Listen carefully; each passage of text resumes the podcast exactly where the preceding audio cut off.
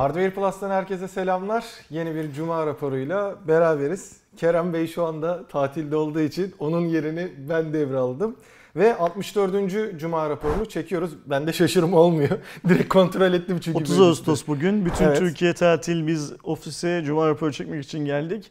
30 Ağustos Zafer Bayramı da tüm Türk halkının 30 Ağustos Zafer Kutlu Bayramı da olsun. kutlu olsun bu vesileyle. Önemli bayramlarımızdan bir tanesi. Kesinlikle. Kutlarken sadece Türk bayrağıyla değil Atatürk'le de kutlamanın gerekli olduğu bayramlarımızdan bir tanesi, Kesinlikle. en önemlisi. Ee, adı üstünde Zafer Bayramı. Ee, herkes tatil. Biz de bu videoyu çektikten sonra belki tatile başlarız. Aynen. Kesinlikle. Konuları bu hafta sen belirledin Aydoğan. Evet. Ee, ee, sa- sayı olarak biraz azız galiba değil mi konu olarak? Ya son iki haftadır bir biraz daha böyle hani çok büyük popüler şeyler çıkmıyor. Tam duraksama dönemi zaten. Hı hı. Ee, Eylül'le beraber tekrar hareketlenmeye başlayacaktır. İlk haber Türkiye'de TÜİ'nin açıkladığı internet kullanıcısı Evet. ortalaması. Başla. Ee, geçtiğimiz günlerde Türkiye İstatistik Kurumu yeni bir veriyle Türkiye'deki internet kullanımının ne kadar seviyelere geldiğini e, bahsediyor. Ve bu verilere göre de e, Türkiye'de internet erişime imkanı olan haneler geçen sene %83.8 iken şimdi %88,3'e çıkmış. Yani neredeyse Türkiye'nin %90'ının internete erişim şansı var. E, bunların ise sadece %75'i internet Hı. kullanıyor. Tamam. Yani bu internet kapsama alanının Aynen. içinde olan Altyapı hanelerin haneye kadar Okey. olanlar Tamam. tercih edenler ise %75'i %10'luk dilim tercih etmiyor. Hı hı. Daha fazla. İnternet almıyor Aynen. %10'luk bir dilim filan. İşte o ya da bu sebepten almıyor. Ya evinde hani mobil interneti var o yüzden almıyor ya da şey yapmıyor. Ama %75'te gayet iyi bir rakam Kesinlikle. şey anlamında.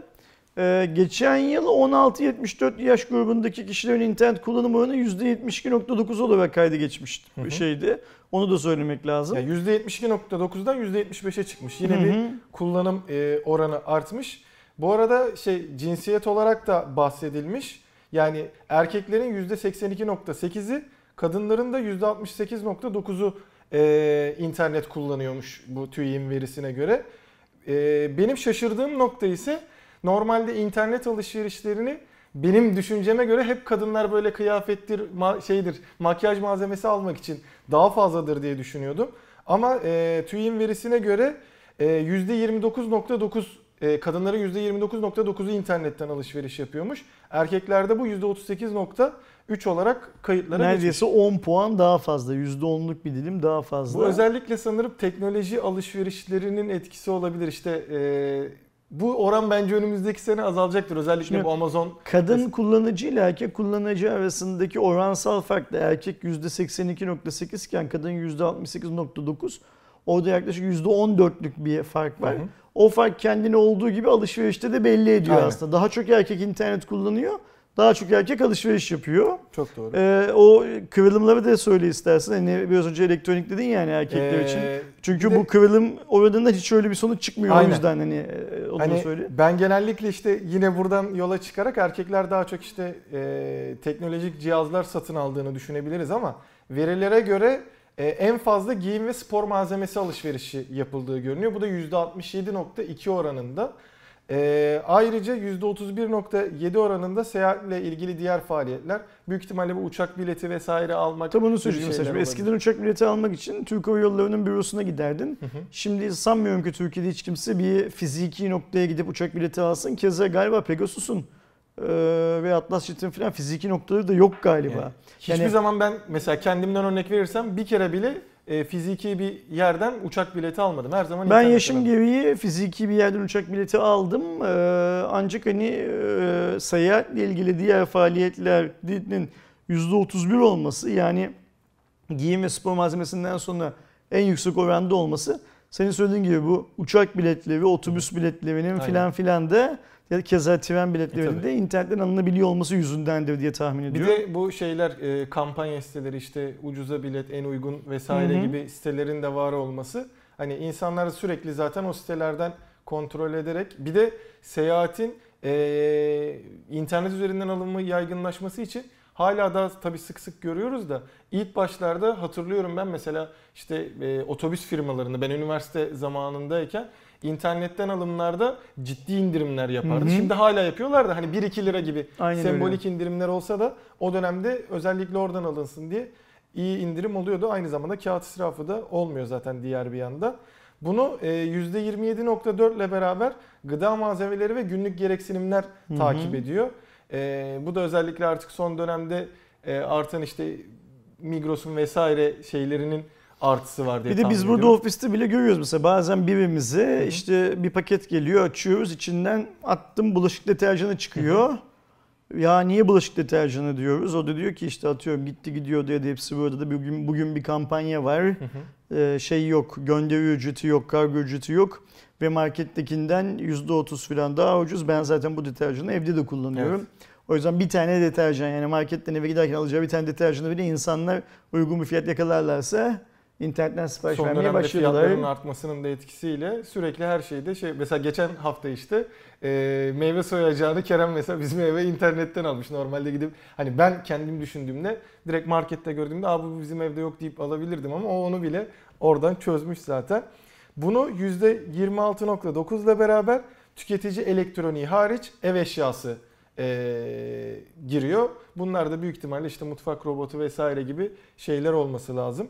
Gerçi onlar da acaba tüketici elektroniğine direkt girer mi tam emin değilim. Bana sanki burada böyle halıydı, işte e, Koltuk koltuktu, vesaire. masa sandalye falan Hı. gibi şeyler, dolap, molap, çerçeve. Biraz daha böyle Ikea'ya Aynen yönelik. Hatta belki hatta. ev eşyası dediği için belki işte hani bu perde, Hı.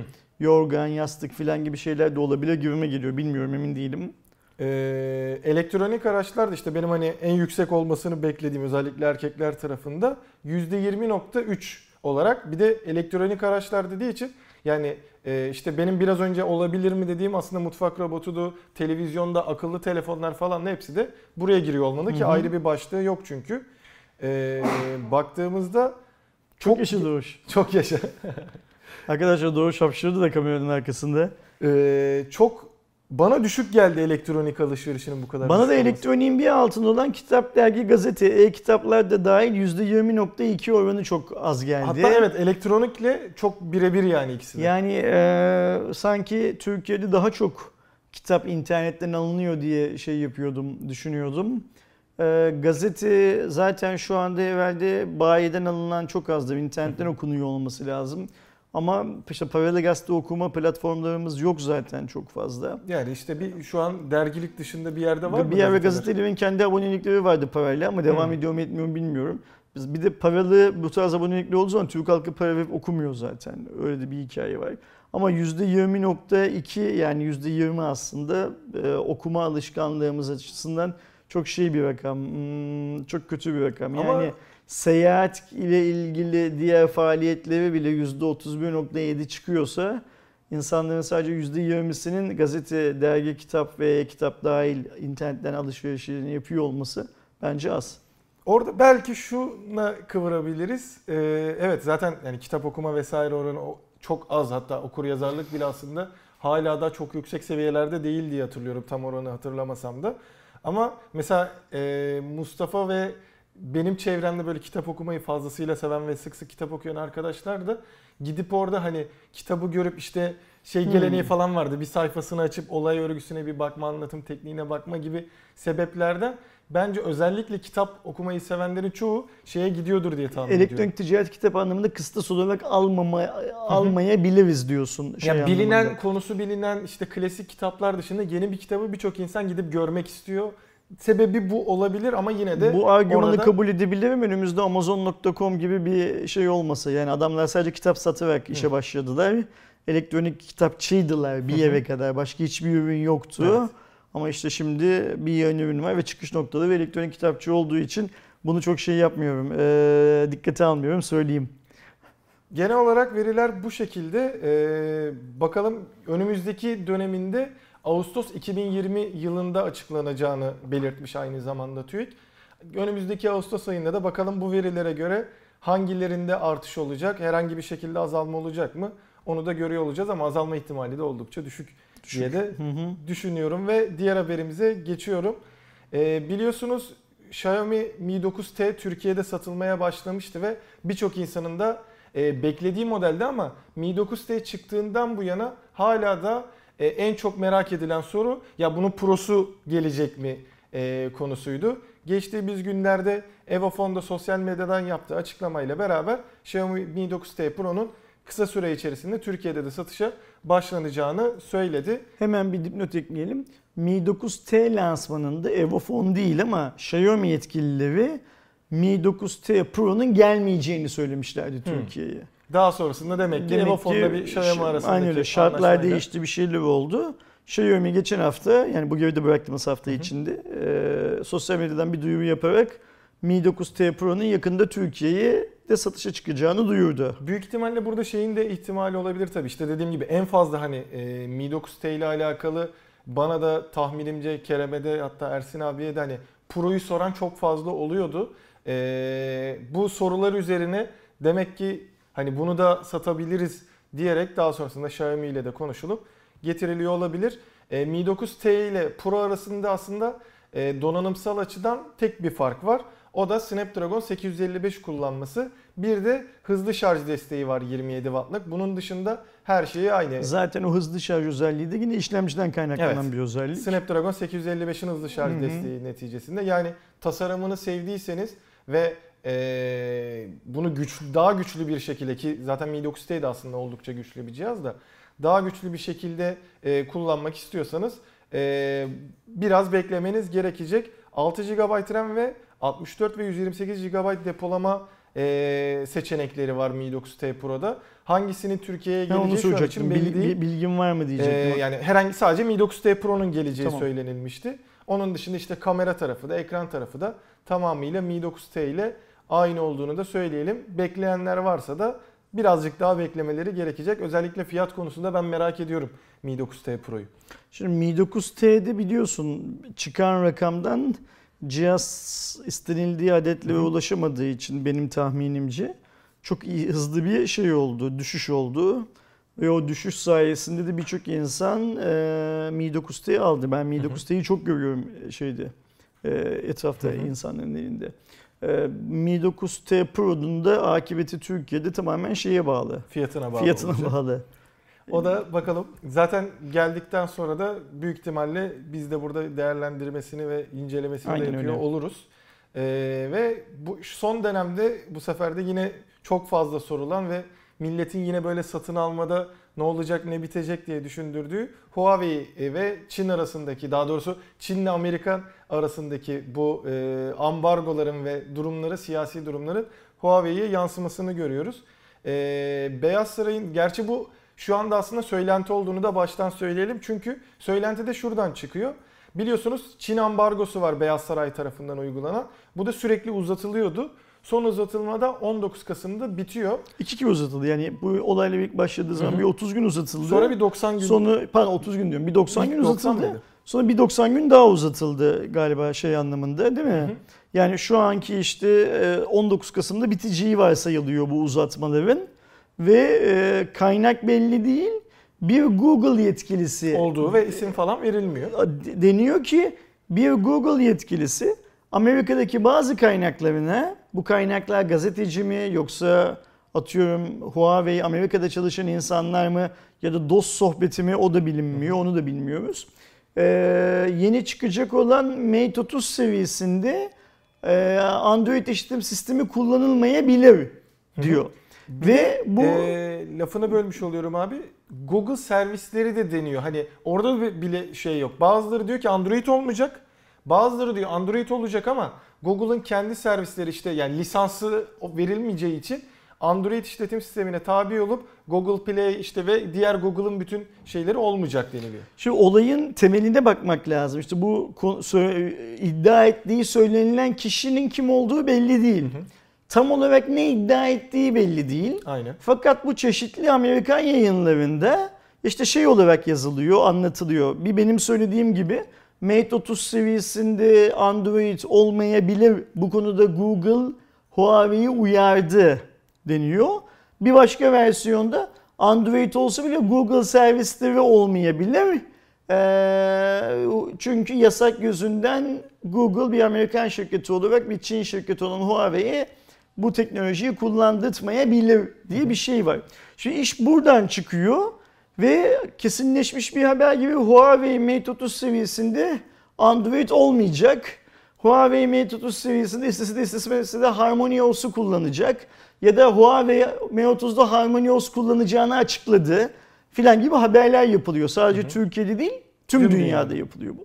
Biz yarın yayına alacağımız soru cevapta da bu soru geldi. Orada da cevap verdik. Aynı şeyi burada da söyleyeyim. Bu velev ki doğru olsun.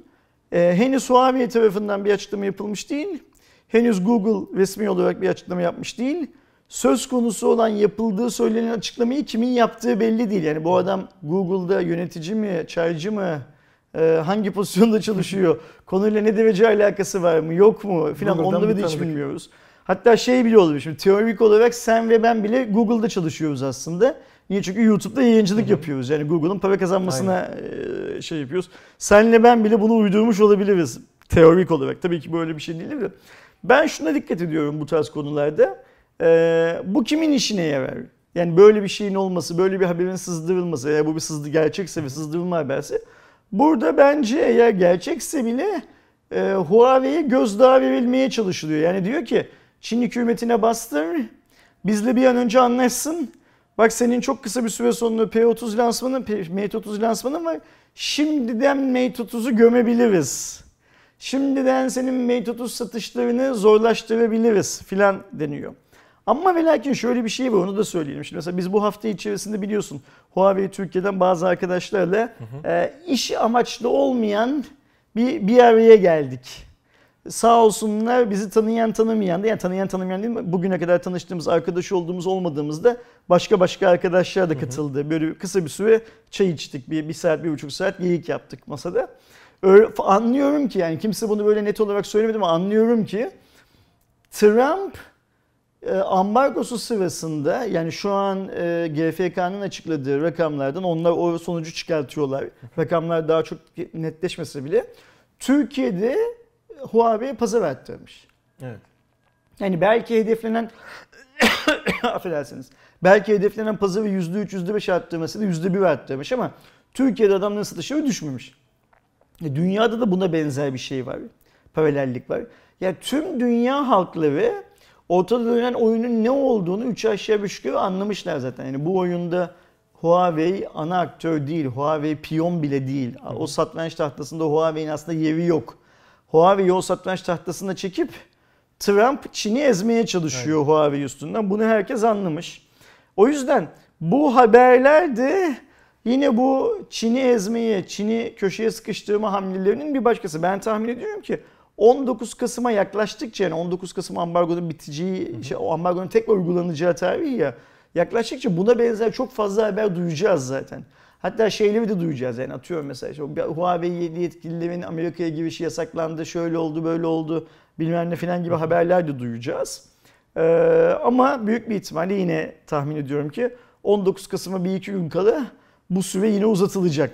Bence de. Çünkü Qualcomm'un, Android, Apple'ın, şey Apple diyorum, Android'in, Google'ın bu işlerden para kazanmaları lazım. Evet. Sen bu ambargoyu uygulatırsan dünyanın en büyük telefon üreticilerinden birisi senin şirketlerine para kazandırmayacağını çok net bir şekilde söyledi. Zaten şimdiden HarmonyOS yüzünden büyük bir ihtimalle Android'deki bazı arkadaşların, bazı yöneticinin dizleri titremeye başlamıştır. Ortaya kötü bir şey çıksa bile rakip geliyor piyasaya. Hı hı. Bu kapitalistlerin istemeyeceği bir şey. Bir de zaten. hani direkt Android'e rakip geliyor. Çünkü Google zaten e, iPhone dışındaki bütün cihazlara Aynen öyle. servis veren biri. Şey korusuna bir ara mesela Samsung e, Tizen'ı, Tizen'i denemişti.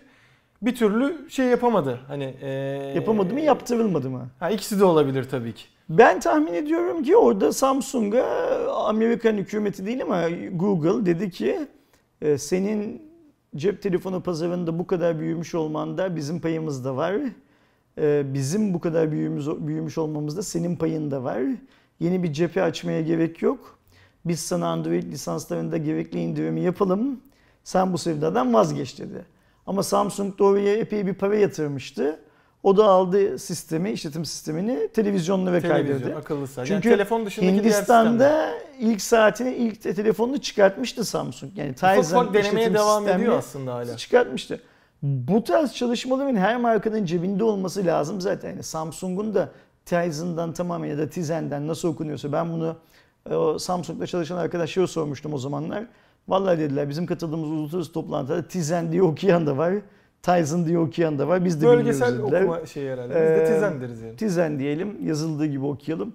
Ee, iki gün sonra Samsung'un başına Huawei'ninkine benzer bir şey gelmeyeceğinin garantisi yok. O yüzden Samsung da de- geliştirmek zorunda tabii ki yapacak Zaten bir orada şeyler. şey de demiş yani kendine işte dediğin gibi bir nasıl diyeyim güvence tutuyor. Hani senle bir bir problem yaşarsak saatte benim kullanıyor, televizyonda kullanıyor şu anda Şimdi ufak yanlış bilmiyorsam bu işte akıllı buzdolapları falan filan Hmm. çıkıyor. Yani akıllı telefon dışındaki akıllı sistemlerinde Tizen mimarisini yani Tizen sistemini kullanıyor. Huawei'nin şöyle bir riski var Google için, Android için. Huawei bir şekilde tüm Çinli üreticileri tek şemsiye altında toplayabilir. Çünkü evet. şimdi şöyle bir şey var. Oppo'nun, Meizu'nun, Xiaomi'nin, OnePlus'ın vesaire vesaire adını bildiğimiz biliyoruz. Tüm cep telefonu üreticilerinin, yöneticilerinin, üreticilerinin, yöneticilerinin salak olmadığını biliyoruz değil mi?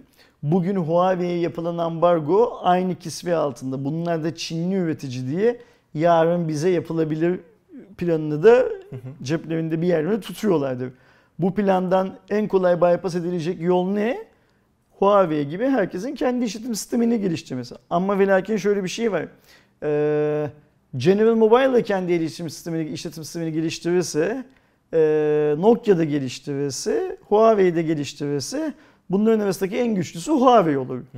Yani e, adetsel anlamda General Mobile ya da Reader ya da Casper Huawei'nin karşısında duramaz. Keza OnePlus da kendi işletim sistemini geliştirirse Huawei'nin karşısında duramaz. E, Meizu da duramaz. Xiaomi de tartışılır ama uzun vadede duramaz. Çünkü işletim sistemini geliştirmek demek muazzam bir yazılımcı ekibi barındırmak demek. Onlara e, e, yatırım yapmak demek. O yüzden tüm Çinli üreticileri e, Harmony şemsiyesi altında eğer e, Huawei birleştirirse o zaman Google'ın tüm kazançlarının nereden baksan yarısı gider. Kesinlikle. Daha fazlasına bile tekabül edebilir o kadar şeyde. Daha kötüsü var.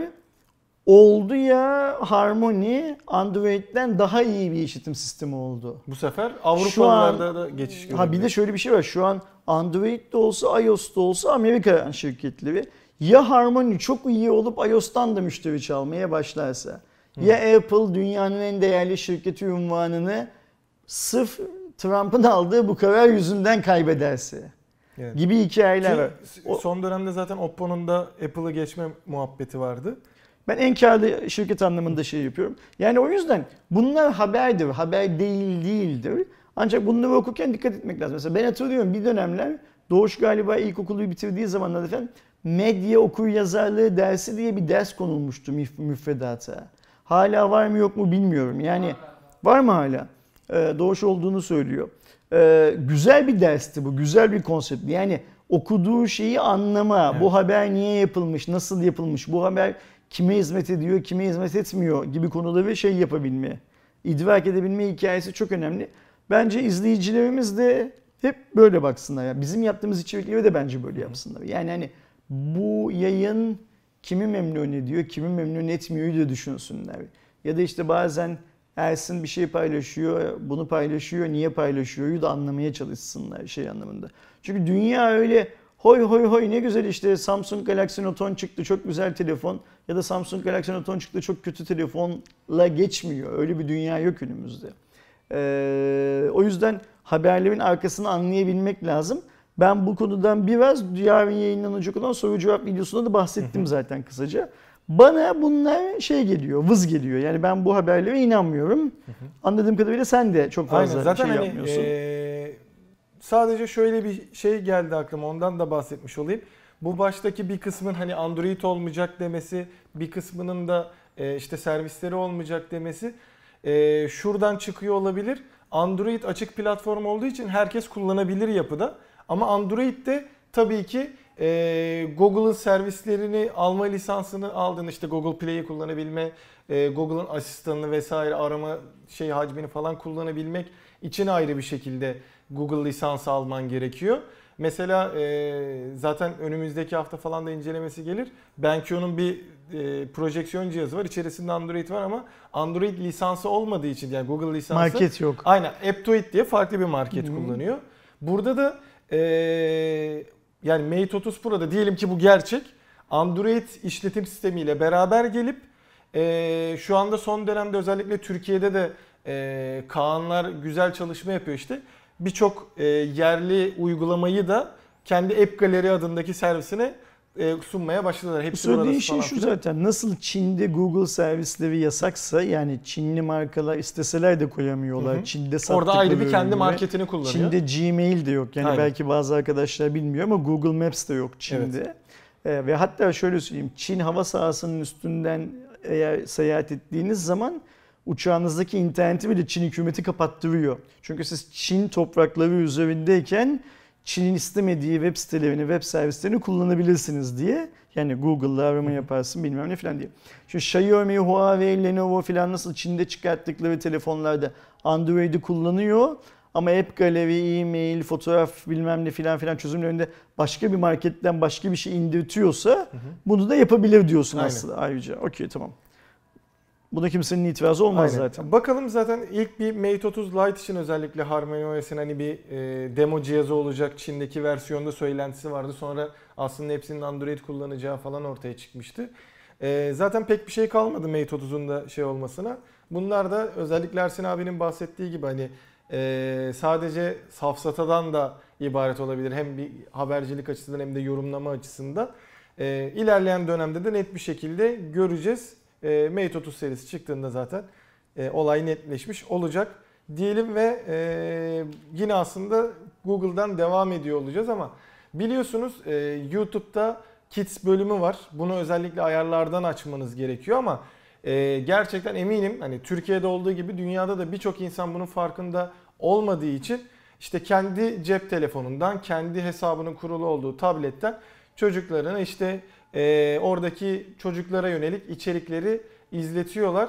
Ama e, eğer çocuk işte biraz daha böyle tableti kullanabilecek yaşta ise kendisi rastgele videolarla onun yaşına uygun olmayan videolara da geçebiliyor ve aile o sırada hiç bakmadığı için de farklı videolar e, görebilmesini sağlıyor YouTube üzerinden. Hatta bu yüzden de çok fazla tepki falan geliyordu ya da bu mavi balina vesaire olayları da oradan çıktığı söyleniyor. İşte YouTube'da bir video yayınlanmış çocuklar için ama siz zaten orada normalde YouTube ayarından Kids'i açarsanız şey yapabiliyorsunuz. Ee, çocuklara yönelik yapabiliyorsunuz.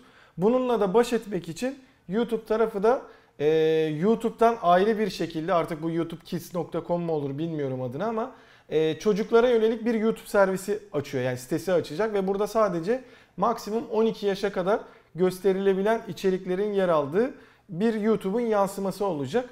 Ee, burada da 3 ayrı kategori belirlenmiş. 4 yaş altı, 5-7 yaş ve 8-12 yaş arası çocuklara uygun içeriklerin görüldüğü ve e, yanlışlıkla çocuğun gidip tıklayıp bir şey yapıp yanlışlıkla büyüklerin ya da onun yaşına uygun olmayan içeriklerin görmesini engellenmesi Çocuk sağlanacak. bilerek ya da bilmeyerek bir yere tıklasa bile çocuk için uygun olmayan bir videoya gidemeyeceği Aynen öyle. yeni bir platform. Okey. Böyle bir platform çıkışı olacak. Ne zaman olacağı tam olarak belli değil. Ee, aslında uygulama tarafında YouTube Kids uygulaması var. Buna Hı hı. benzer bir işlevin görüldüğü. Ama bilgisayarda da artık youtube.com değil de e, ayrı bir internet sitesi üzerinden bunlara erişilebiliyor olacak. YouTube bu tarz hikayeleri çok hızlı yapıyor. Bunu da yapar. Yani bir aya, bir buçuk aya falan görürüz bence Kesinlikle ortalığı Ben- çıktığını. daha kısa bile olabilir. Hani direkt söylenti çıktı mı çünkü 2 hafta 3 hafta içinde Aynen bile görebiliyoruz. Bence güzel bir uygulama en azından e, işte kullanıcılara bakın orada ayrı bir kit bölüm var ona girmeniz lazım. Ayrı bir uygulaması var onu indirmeniz lazım demektense e, ayrı bir siteye girmelerini sağlamak en azından çocuğun da o sırada dediğin gibi e, rastgele bir farklı bir videoya tıkladığında da yine onun e, için problem olmayacak bir video ile karşılaşması güzel bir sonuç olabilir. Diyerek beni gerçekten çok fazla şaşırtan son haberimize e, geliyorum. Biliyorsunuz Mobil Dünya Kongresi'nde e, her ne kadar Türkiye'de olmasa da Sony'nin Xperia 1 ailesi tanıtıldı. Yeni Xperia ailesi diyeyim. Xperia 1 de bunun en tepe modeli. Yine omnibalanslı ama farklılık olarak 21'e 9 ekranı olan ama Sony'nin yıllardır süre gelen kamera konusunda da bir iddialı telefonda. Hatta e, direkt firmaların adı ya da programların adı aklıma gelmiyor ama profesyonel çekim yapabileceğim bazı özel uygulamaları vardı kamerası özel. Sinema çekimi yapabiliyorsunuz iddiası vardı Samsung tarafının daha doğrusu Sony. Sony, tarafının. Ee, ama DxOMark'ın açıkladığı sonuca göre de durumlar öyle değil. Daha iki gün önce, üç gün önce açıkladı Dioxomark burada. Hı hı. Çok yeni açıklandı. E, DxOMark'tan aldığı skor 94 fotoğraf, 84 video olmak üzere ortalamada 91 puan aldı. Hani bir de özellikle video konusunda iddialı olan e, bir telefonun 84 alması gerçekten Ayrıca selfie'de de düşük puan Evet. aldı. Yani orada da Hem- 78 aldı. hem selfie'de hem overall'da genelde ilk ona bile giremedi neredeyse Kesinlikle. cihaz. Ve şey yaptığı, e, rekabet ettiği yani e, jenerasyon ve fiyat olarak bugünün üst segment cihazlarıyla rekabet ederken Dioxomark puanı olarak bir yıl öncenin, iki yıl öncenin e, artık hani çok da rağbet görmeyen telefonlarıyla e, şey oldu. Zaten sen yazmışsın buraya açıklamada ve aldığı puanlar Pocofone'la aynı. iPhone 8 ve Note 8'den kötü. Yani Samsung Note 8'in üzerine Note 9, Note 10, Note 10 Plus diye 3 tane telefon çıkarmışken Sony'nin bu 3 telefonla aynı zamanda çıkan en son telefonu 3 öncekinin puanıyla aynı Evet, puan haliyle alıyor. diğerleri zaten onu çok fazla şey. E, Çok hayal kırıklığı yani. Kesinlikle. Bir de e, detaylarına baktığımızda en azından e, oradaki puan tablosunda işte ayrı ayrı verdiği puanlara baktım. E, Zoom'da, Bokeh'te e, kötü puan alıyor. Yani en düşük 2 puanı Zoom ve Bokeh konusunda. E, aynı zamanda normalde biliyorsunuz bizim DxOMark serisinde de bahsediyorum. Birçok cihaz en fazla puanları hep e, aydınlık alanda, güneş ışığı alanında, yeterli ışık alanında yapar. Ama burada parlaklığın fazla olduğu şeylerde detaylarda halo dediğimiz böyle parlamalar, patlamalar olduğu görünüyor. E, ve hani bu gerçekten şaşırtıcı. Bir de flaşlı çekimlerde gerçekten telefonun flaşı çok yetersiz kalıyor. Bununla alakalı zaten direkt önümüzdeki hafta ben detaylı bir şekilde DxOMark'ını Bunun için de Dioxomark videosu çekeceksin. Evet. Hani Süper, en azından merak eden bir de bu kadar düşük Şimdi olması biz çok şaşırtıcı. geçmişte de Dioxomark'ta Sony puanlarını çok görmezdik zaten. Yani niyeyse Sony ile Dioxomark'ın o anlamda bir şeyi yok, çalışması yok. Ama bu cihazın da bu kadar düşük puan alacağını sanırım hiç kimse beklemiyordu. Kesinlikle. Ve senin de söylediğin gibi ve MVC'nin, geride bıraktığımız MVC'nin en merak edilen cihazlarından bir tanesiydi bu. Hatırlıyorsan el sürdürmediler cihazı orada yani hani şey olarak. E, insanlar inceleyemedi, çerçevelerin çerçeve- arasından bak, cam mekanların arasından baktılar. Sadece baktık. arkada bir yerde hani basın için ayrı şeydi ama o cihaz da mesela bizim e, elimizdeki biz de oraya Erdi abiyle beraber geçmiştik. Çalı yani çalışsa bile kilitliydi. hı. Telefonun menüsünde gezemiyorduk. Sadece telefon çalışıyordu. Aynen öyle. Öyle bir şekildeydi. Herhalde bu sebepten mi yap? O zaman hiç hazır değildi de Bilmiyoruz. piyasaya çıkınca mı Şeyi hala? anlamıyorum işte. Ee, böyle sonuçlar veren bir, telefon için lansmanda e, Hollywood stüdyolarında kullanılacak kadar kaliteli işte film çekilecek, belgesel çekilecek, bilmem ne yapılacak kadar Orada da kaliteli sürekli kameraya vurgu gibi yaptılar. laflar edilmiş lansmanı seninle birlikte izledik Evet. en nihayetinde. Böyle vurgular yapılmış olması çok garip gerçekten.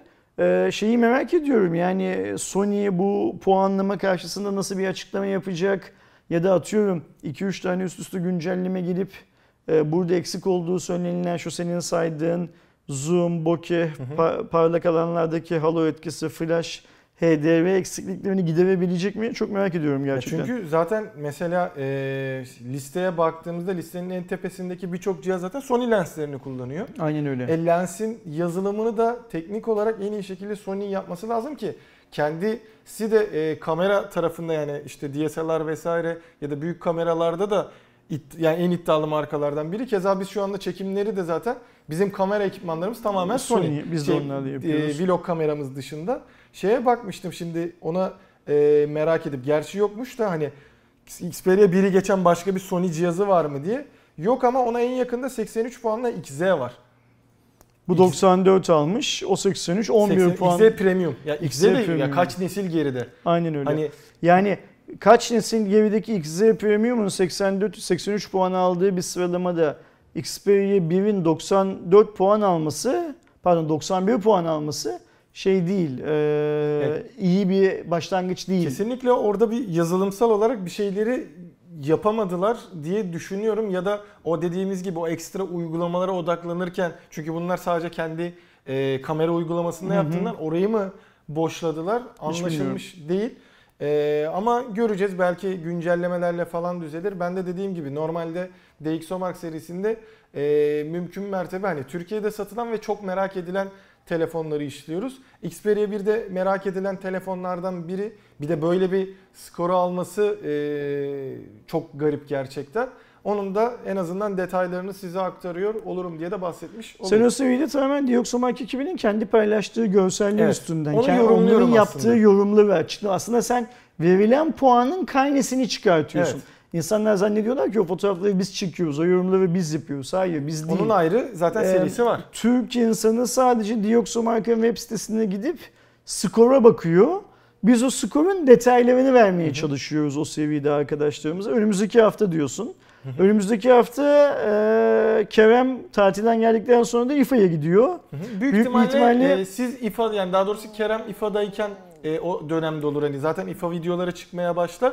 O dönemde biraz da e, İFA'dan dolayı ofisteki işlerde biraz şey olduğundan o ara ekstra Önümüzdeki hafta Cuma raporunu yine birlikte su- hazırlarız gibime Hı hı. geliyor. İşte Kerem İFA'da olacak. Sonraki hafta sen Ondan sonraki hafta da ben Kerem'le gidiyorum. olurum. Yok ben o kadar kalmıyorum. Ben gideceğim ve hemen döneceğim. Bir sonraki hafta çarşamba ya da perşembe günü tekrar tamam. şey yapmış oluyorum, gelmiş oluyor. Arkadaşlar önümüzdeki hafta e, tekrar Aydoğan'la birlikte burada olacağız büyük bir ihtimalle Cuma raporunda. Haftaya görüşünceye kadar kendinize iyi bakın.